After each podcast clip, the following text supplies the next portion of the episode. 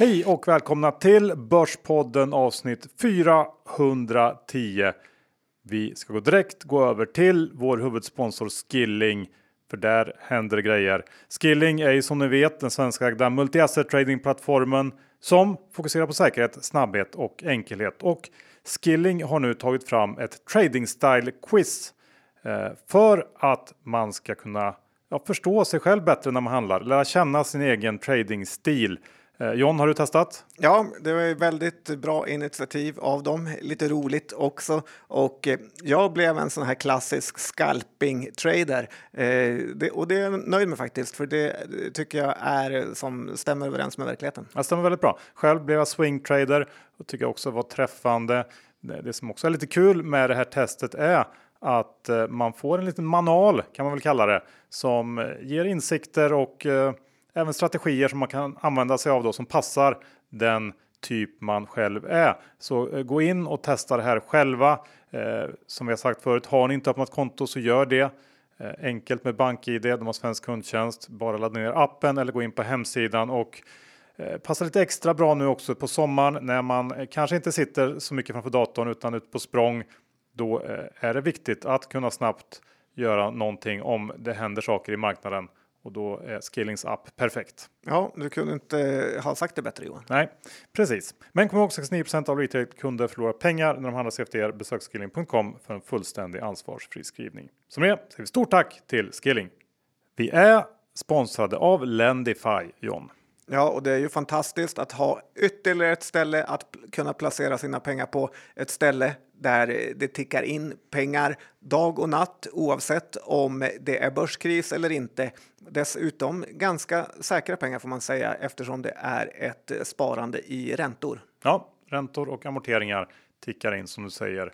Eh, dessutom har de ju den här andrahandsmarknaden där man både kan köpa på sig fler lån eller sälja av beroende på vad som passar en själv. Och vill man testa det här, då går man in på lendify.se snedstreck Gör man det och investerar minst 20 000 kronor, ja, då får man 500 kronor extra insatt på sitt konto, eh, vilket är en bra start på ett Lendify sparande. Ja, jag har ju sett att många gör det nu under den här börshåsen som vi har, att de plockar lite pengar från börsen och sätter in det på Lendify och då ska man använda den här koden. Ja, bra. Så med det säger vi stort tack till Lendify.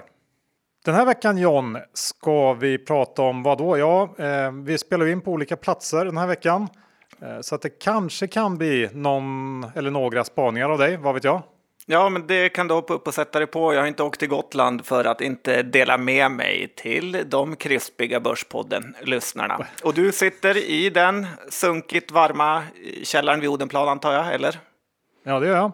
Och eh, ja, nej, men det blir såklart diverse spaningar. Det blir Malta, det blir regeringskris och det blir ett knippe bolag, både vinstvarnare och lite annat. Så att, eh, det är väl inte så mycket att fundera på. Nej, men jag har ju funderat på ett bolag som kommer vinstvarna så att det ska bli väldigt på ett negativt sätt. Så att jag tror att det här kan bli kul. Vi är sponsrade av Omni Ekonomi och Omni Ekonomi gillar jag verkligen. De är snabba, de ger en bra överblick över nyhetsläget och man kan ställa in sin egen app och följa precis de bolag och ämnen som man är mest intresserad av. Dessutom så gillar jag att Omni Ekonomi numera också har upplåst innehåll från internationella jättar som Wall Street Journal, Financial Times och eh, The Economist. Ja, är man börsberoende som eh, vi är så är det ju nästan omöjligt att sluta använda Omnis app när man väl har börjat. För så mycket information som är så bra nedkokat och eh, som man faktiskt har nytta av. Och är det något man inte eh, känner till varför det har hänt så kan man bara söka på Omni så kommer man hitta eh, anledningen. Så är det verkligen John. Och nu har vi ett kanonerbjudande från Omni Ekonomi. Det är två månader helt gratis och det behövs inga kreditkort eller annat krångel. Det är bara att skapa ett konto och testa och det är heller ingen automatisk förlängning. Så gå in på borspodden.omni.se och signa upp dig. Alltså borspodden.omni.se. Stort tack till Omni Ekonomi! Johan Dr. Bass Isaksson index står i 2278 och eh, vi har en väldigt positiv dag idag på tisdagen. Vi närmar oss eh, 2300. Vad säger du? Ja, vad ska man säga, det är väl ungefär där börsen har stått sista månaderna. Det händer inte så där supermycket och det är ju sommarbörs också. Eh, man längtar ju efter rapportperioden nu, eh, i alla fall jag gör det. Och eh, inför den så är jag ändå lite, lite oroad för att det kanske kan vara lite för höga förväntningar på en del sektorer. Främst kanske tillverkande bolag som kan haft det kämpigt med stigande råvarupriser och den här komponentbristen det snackas om. Och jag känner också att det kanske kan i sin tur leda till ett avmattning i efterfrågan generellt som kan spilla över i någon slags tillväxtoro in i eh, H2. Eh, för de flesta räknar nog ändå med att det ska vara riktigt bra tryck i ekonomin efter sommaren. Men jag börjar faktiskt tveka lite där.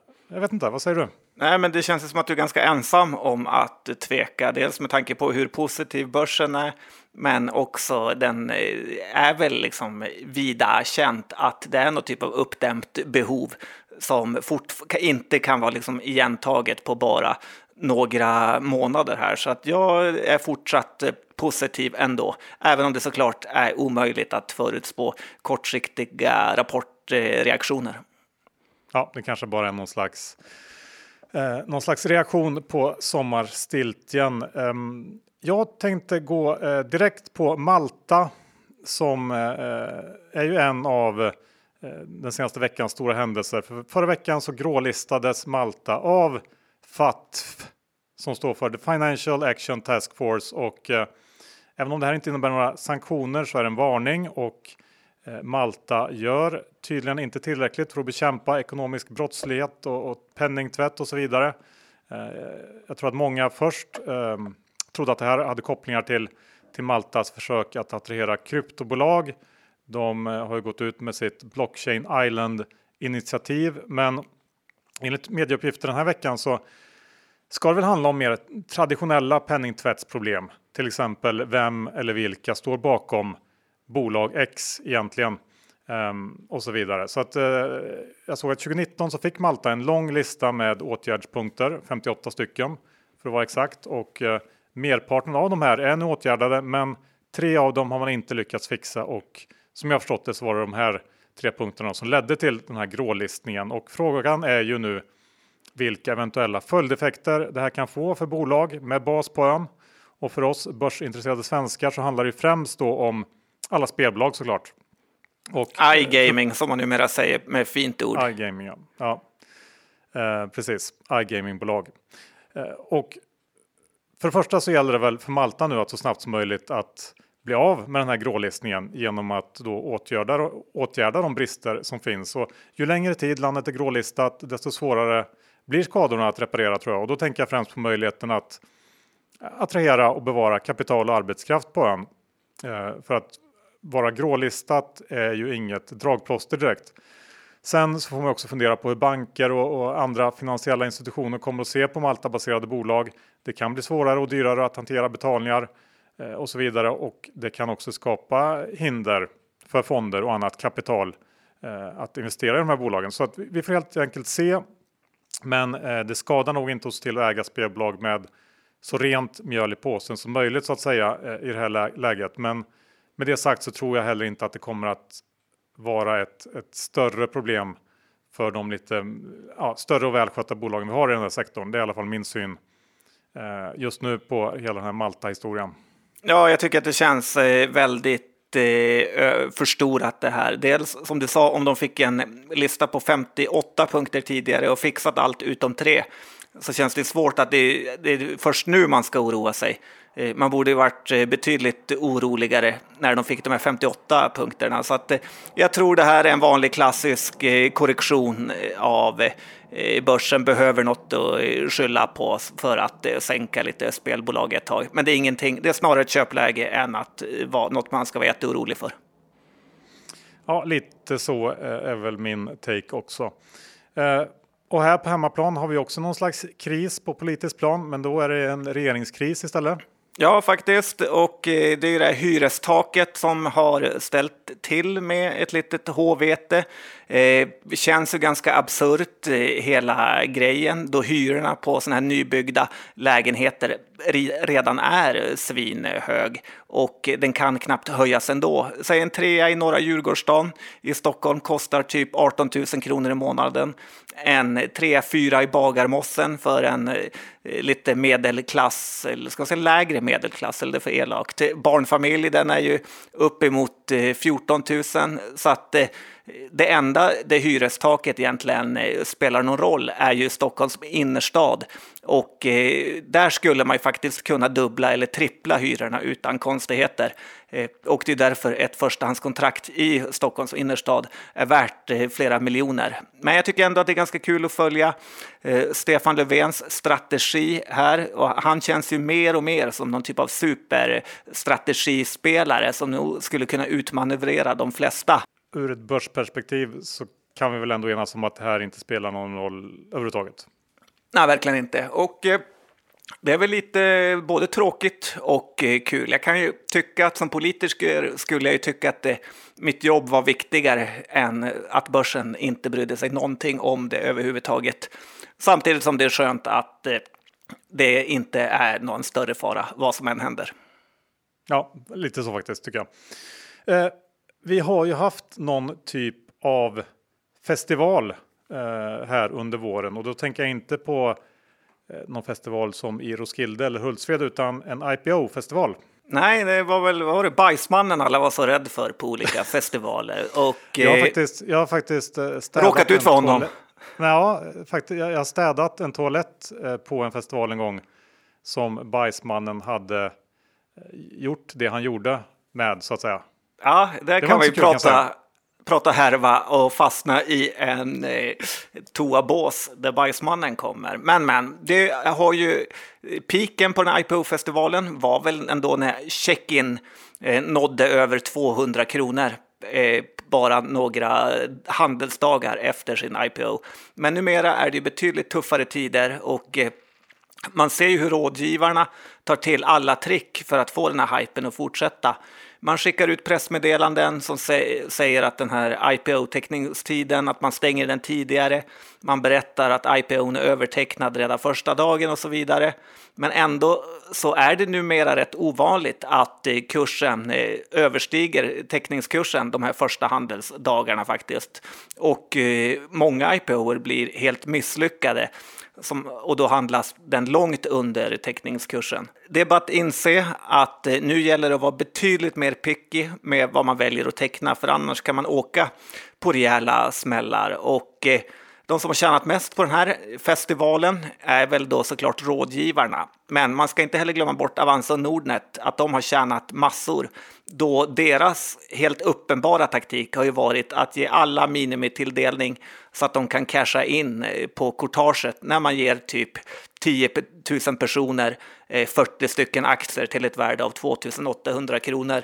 Eh, och då vräks de ut. Då. Man kan ju säga ofta hur som i Track, hur Nordnet gjorde exakt så, då man fick 40 aktier och det var 40 poster hela tiden som regnade ut. Så det är många som har tjänat på det här, men nu gäller det att inte bli eh, förlorare. Ja, men vi ser väl någon typ av mättnad här och det är väl ofta så att man, man de här IPO-cyklerna det börjar lite smått, det kommer ett gäng bolag och så blir det några riktiga succéer och så fylls det på med ännu mer bolag tills det till slut blir den här typen av mättnad. Och då eh, ja, stängs eh, IPO-luckan helt enkelt för en stund. Ja, då behövs det kraftsamlas i ladorna lite för att eh, småspararna ska vara redo att gå med på nya case. Ja, Eh, och medan allt det här pågår, alla festivaler, så eh, är ju också utdelningsförbudet hävt. Ja, och eh, det här är något jag tror man tänker för lite på faktiskt. Hur de här restriktionerna mot utdelning eller utdelningsförbudet eller vad media väljer att kalla det inte verkar förlängas efter september. Och det kan vara en game changer för bankerna, men faktiskt också för hela Stockholmsbörsen som i alla fall tidigare var ju rätt känd för att vara en väldigt finanstung börs. De fyra storbankerna har ju nästan ett börsvärde på tusen miljarder kronor Eh, på. Så att det är ju en stor del av index och jag vet inte riktigt exakt hur man räknar nu när Nordea har flaggat ut till Finland. Eh, men det är fortfarande en väldigt tung del av börsen och börjar de här bankerna dela ut pengar på riktigt så kan det finnas eh, ytterligare bränsle till börsen och index och stiga mer men kanske ännu mer då för bankernas egna aktiekurser. Och sen ska man inte heller glömma bort att det finns ju mycket tunga profiler inom banking eh, som gärna vill sticka ut och eh, synas, typ Göran Persson, Gardell, Wallenbergarna i SEB och så vidare. Så att den här sektorn ska man nog inte underskatta. Till och med Avanza kunde ju knappt dela ut eh, några pengar i år enligt de här reglerna. Och ja, Avanzas aktiekurs har ju gått rätt knackigt, så här kan det nog finnas lite uppsida faktiskt. Ja, det kan vara värt att fundera på och eh, om vi ska avsluta första delen med någonting riktigt positivt och håsigt så är ju det i så fall konsumtionssiffrorna i Sverige för vi har fått färska retail-siffror för maj i Sverige och folk shoppar uppenbarligen som aldrig förr.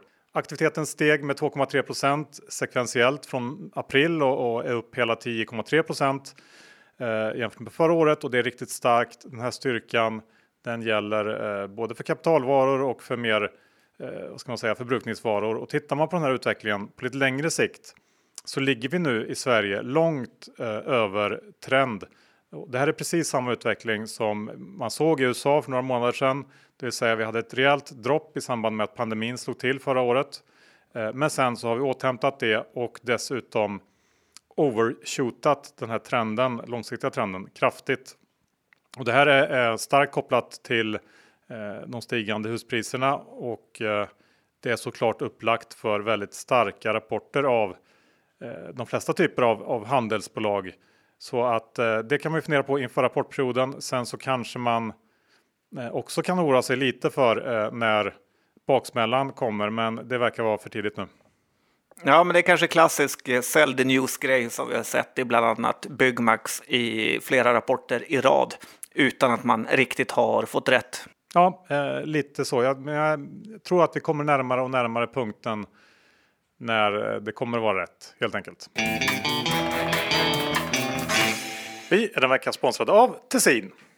Jonas Björkman, eh, grundare, för detta VD, numera styrelseledamot hos Tessin. Välkommen till Börspodden.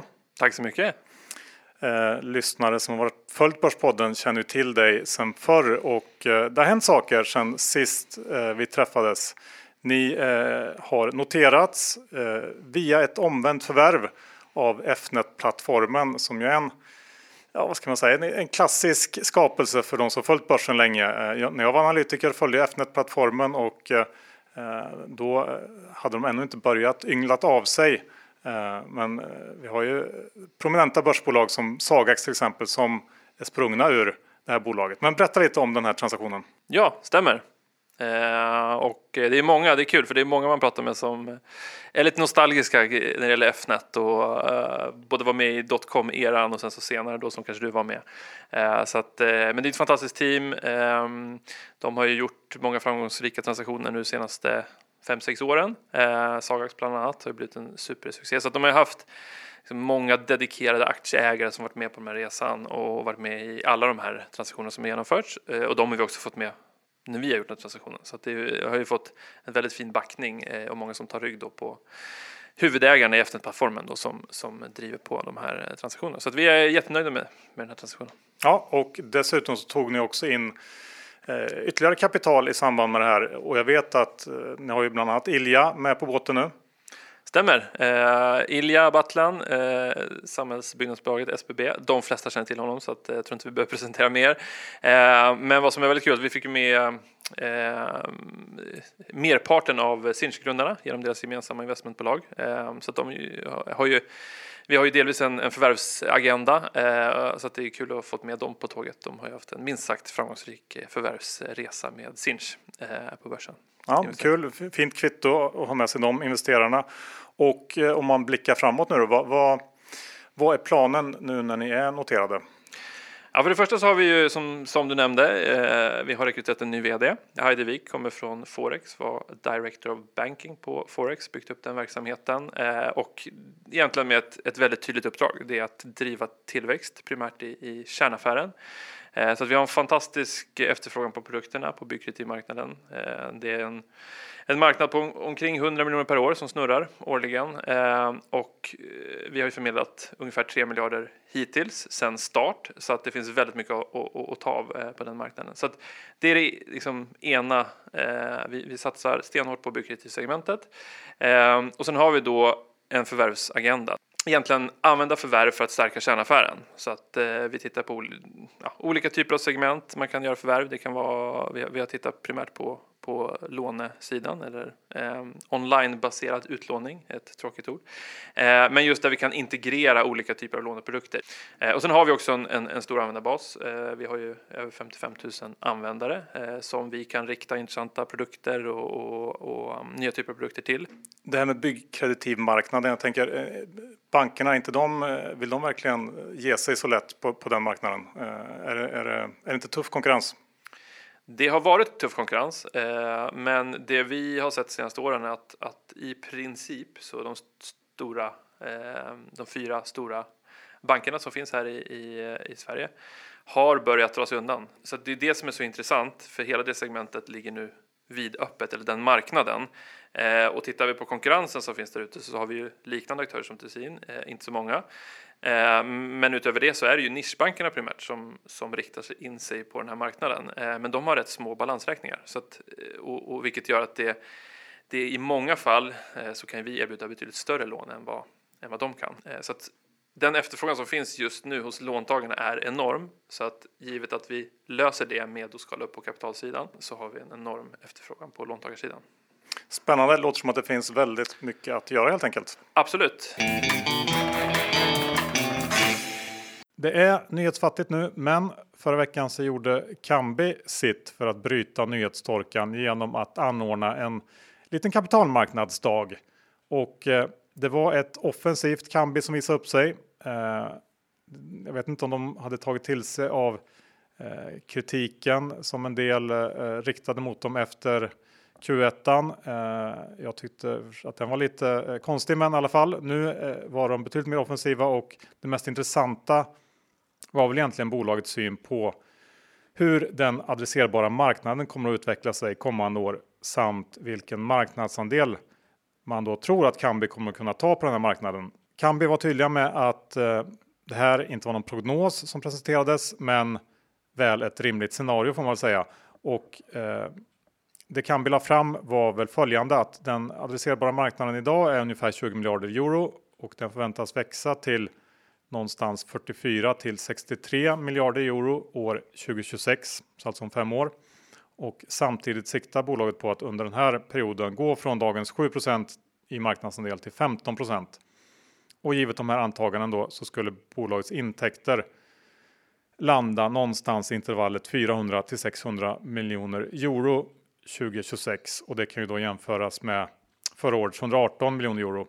Eh, och eh, det här skulle innebära ungefär 25-30% i tillväxt per år och det säger ju en del om potentialen som Kambi har. Och givet skalbarheten i affärsmodellen så skulle såklart lönsamheten också stiga kraftigt om det här eh, blir av.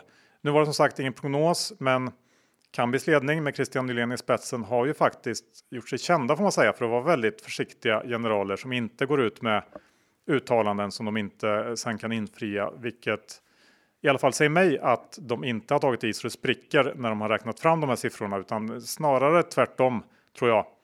Och eh, skulle man landa ens i närheten av det här så är aktien eh, i alla fall i mina ögon såklart en straffspark.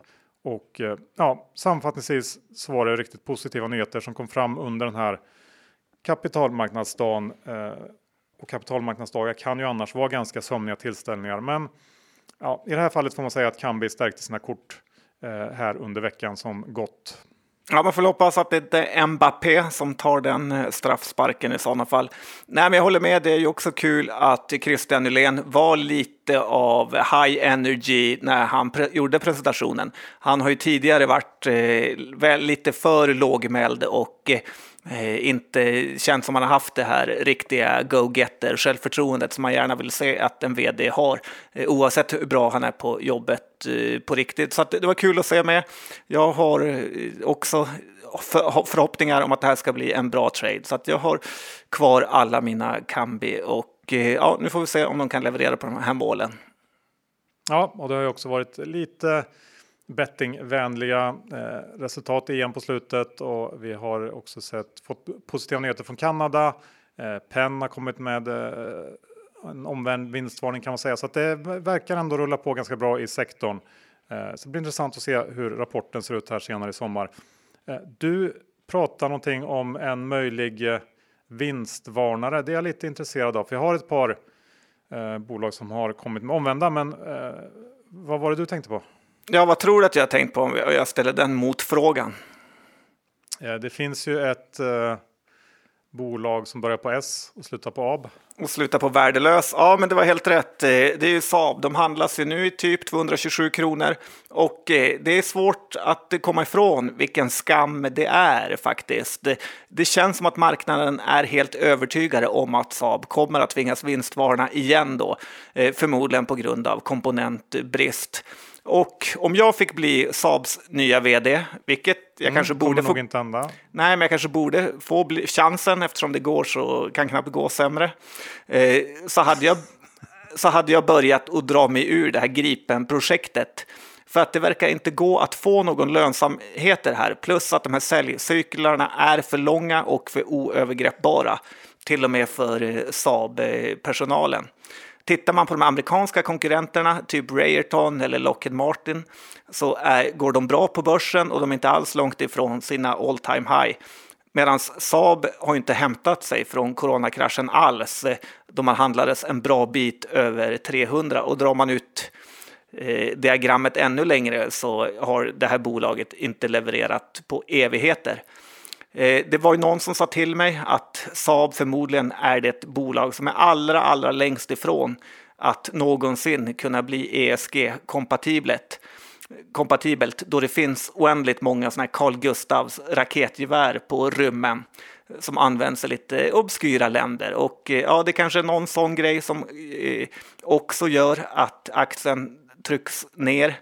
Men Saab har ju blivit ett så här bolag som ungefär som är som ett barn som är så jobbigt så att ingen av föräldrarna vill ha vårdnaden. Eh, det, det är verkligen dags nu att eh, de gör något ordentligt. Ja, men jag tror faktiskt att eh, att Investor kommer att agera om eh, det inte händer någonting ganska snart nu och eh, eh, ja, där har vi ju en, en låg oddsare när det gäller vd-byte här framöver tror jag.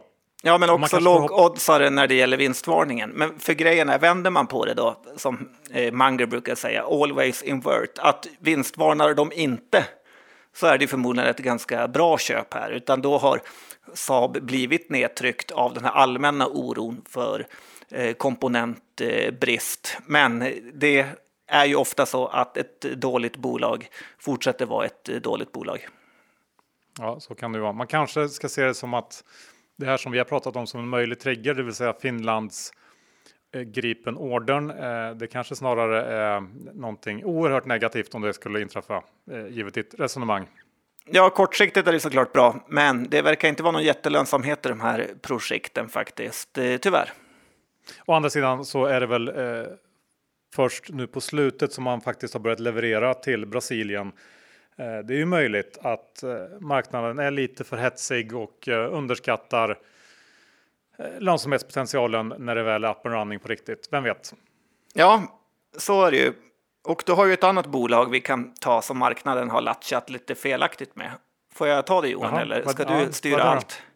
Nej, ta det Ja, men det är ju Astra-caset som jag drog för någon månad sedan som visar hur bra det är att eh, om man kan stå emot det här bruset som då drabbade Astra som tradade ner kursen ungefär 200 kronor på grund av det här snacket och även hatet mot deras coronavaccin som inte hade någon som helst betydelse för eh, företagets intjäning. Och eh, något som då Astra sa och gjorde sig mest för att eh, försöka visa sig goda, men det slog eh, enormt fel och man blev något typ av hatobjekt istället. Nu har ju börsen eh, skakat av sig det och aktien handlas återigen över 1000 kronor. Och eh, det snackas ju jämt bland traders och eh, andra förståsigpåare om hur man ska följa trender. Men jag tycker att det är minst lika viktigt att våga gå emot eh, trender och kunna reducera bort det här meningslösa bruset. För har man bara lite uthållighet och inte är så nervös av sig så brukar det att, eh, brukar det vara att köpa sådana här dippar är nästan ett av de enklaste sätten att tjäna pengar eh, och eh, då välja det sättet istället för att försöka leta de mest hypade bolagen. Ja, men där var du ju helt rätt på det och eh, det där ska man ju ha i bakhuvudet när den typen av händelser inträffar. Ja, och det skulle mycket, mycket väl kunna vara så att spelsektorn är i ett eh, sånt brus nu att eh, man oroar sig för något på Malta som i grund och botten har väldigt liten betydelse för eh, aktiekurserna på lite längre sikt. Ja, nu eh, går vi över till mitt segment om eh, omvända vinstvarningar och det har tycker jag det känns som varit lite tunt med omvända vinstvarningar inför Q2. Inte i närheten av den flod vi såg inför förra rapportperioden. Eh, kanske handlar det bara om att förväntningarna kommit ikapp. Eh, eller är det så att man ska vara lite orolig nu inför rapporterna? Jag vet inte, men vi Får har jag... fått några. Ja, ja, Johan, jag tycker nog att det också kan vara så att många bolag inte tycker att de har gett så starka prognoser så att de behöver korrigera vad de har sagt tidigare.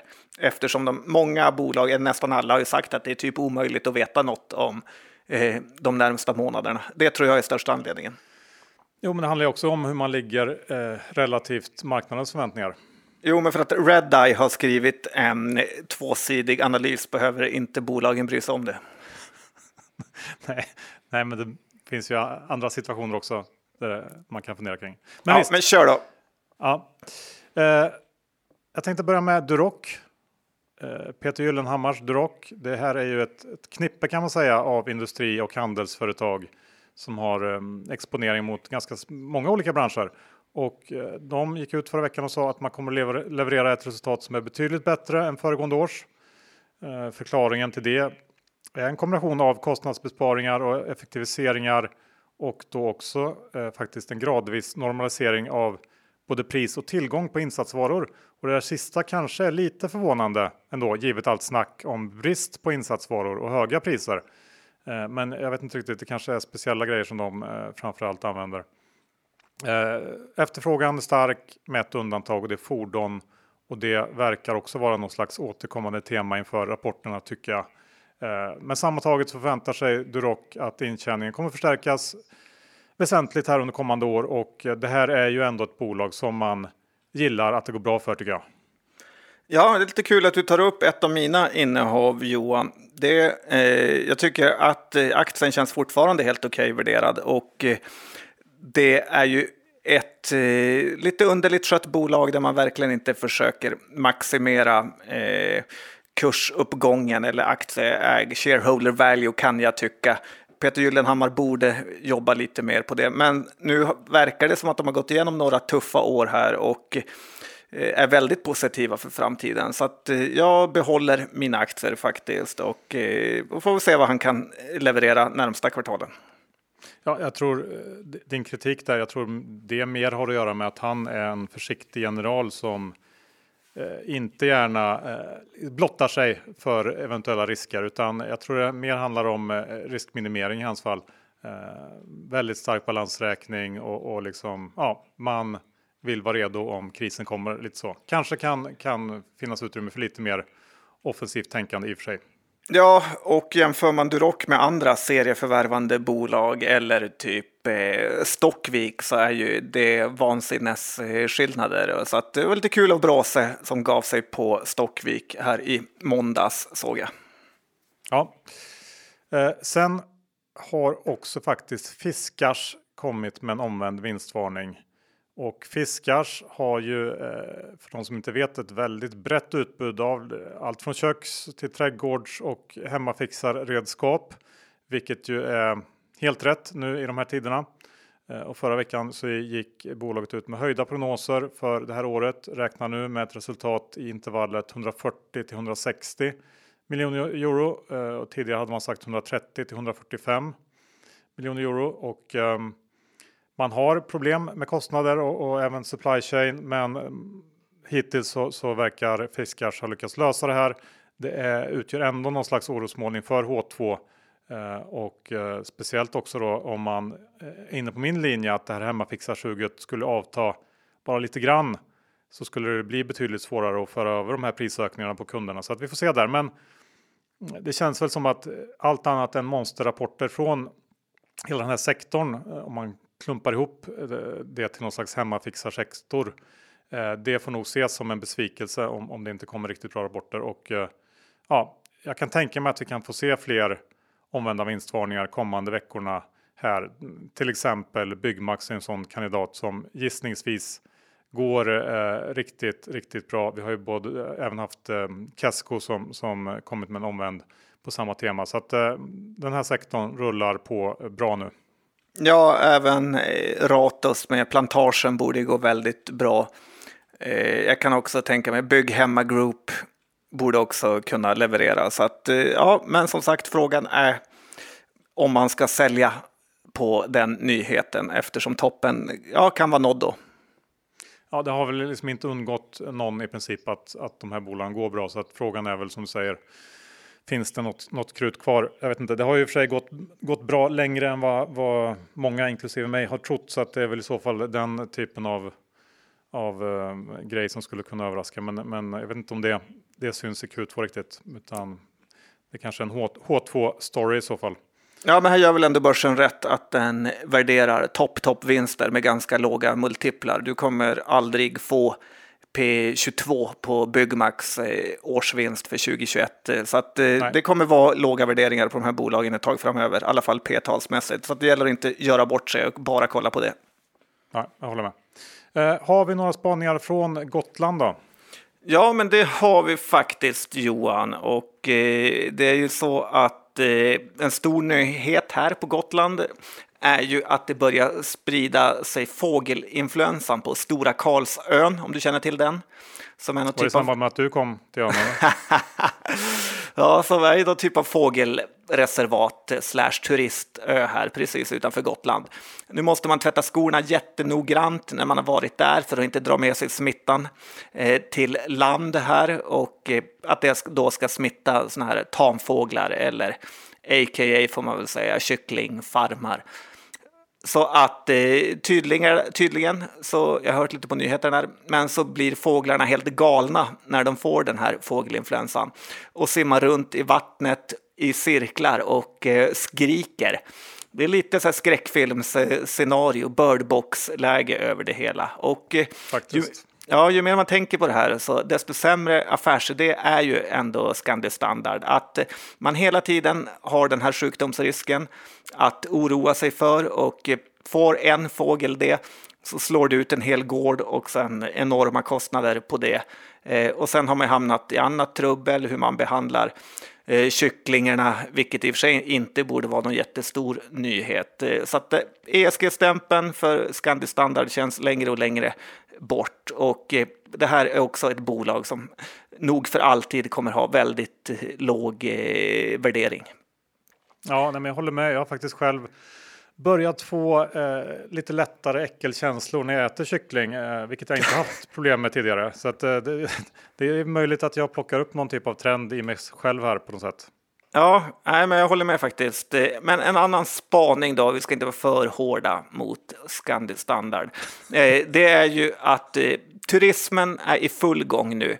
Varje dag så spelar jag tennis här och sen åker jag till hamnen för att äta glass. Och varje dag står det ett nytt gigantiskt kryssningsfartyg där med glada feta turister som väller ut och som ska se Hansastaden Visby.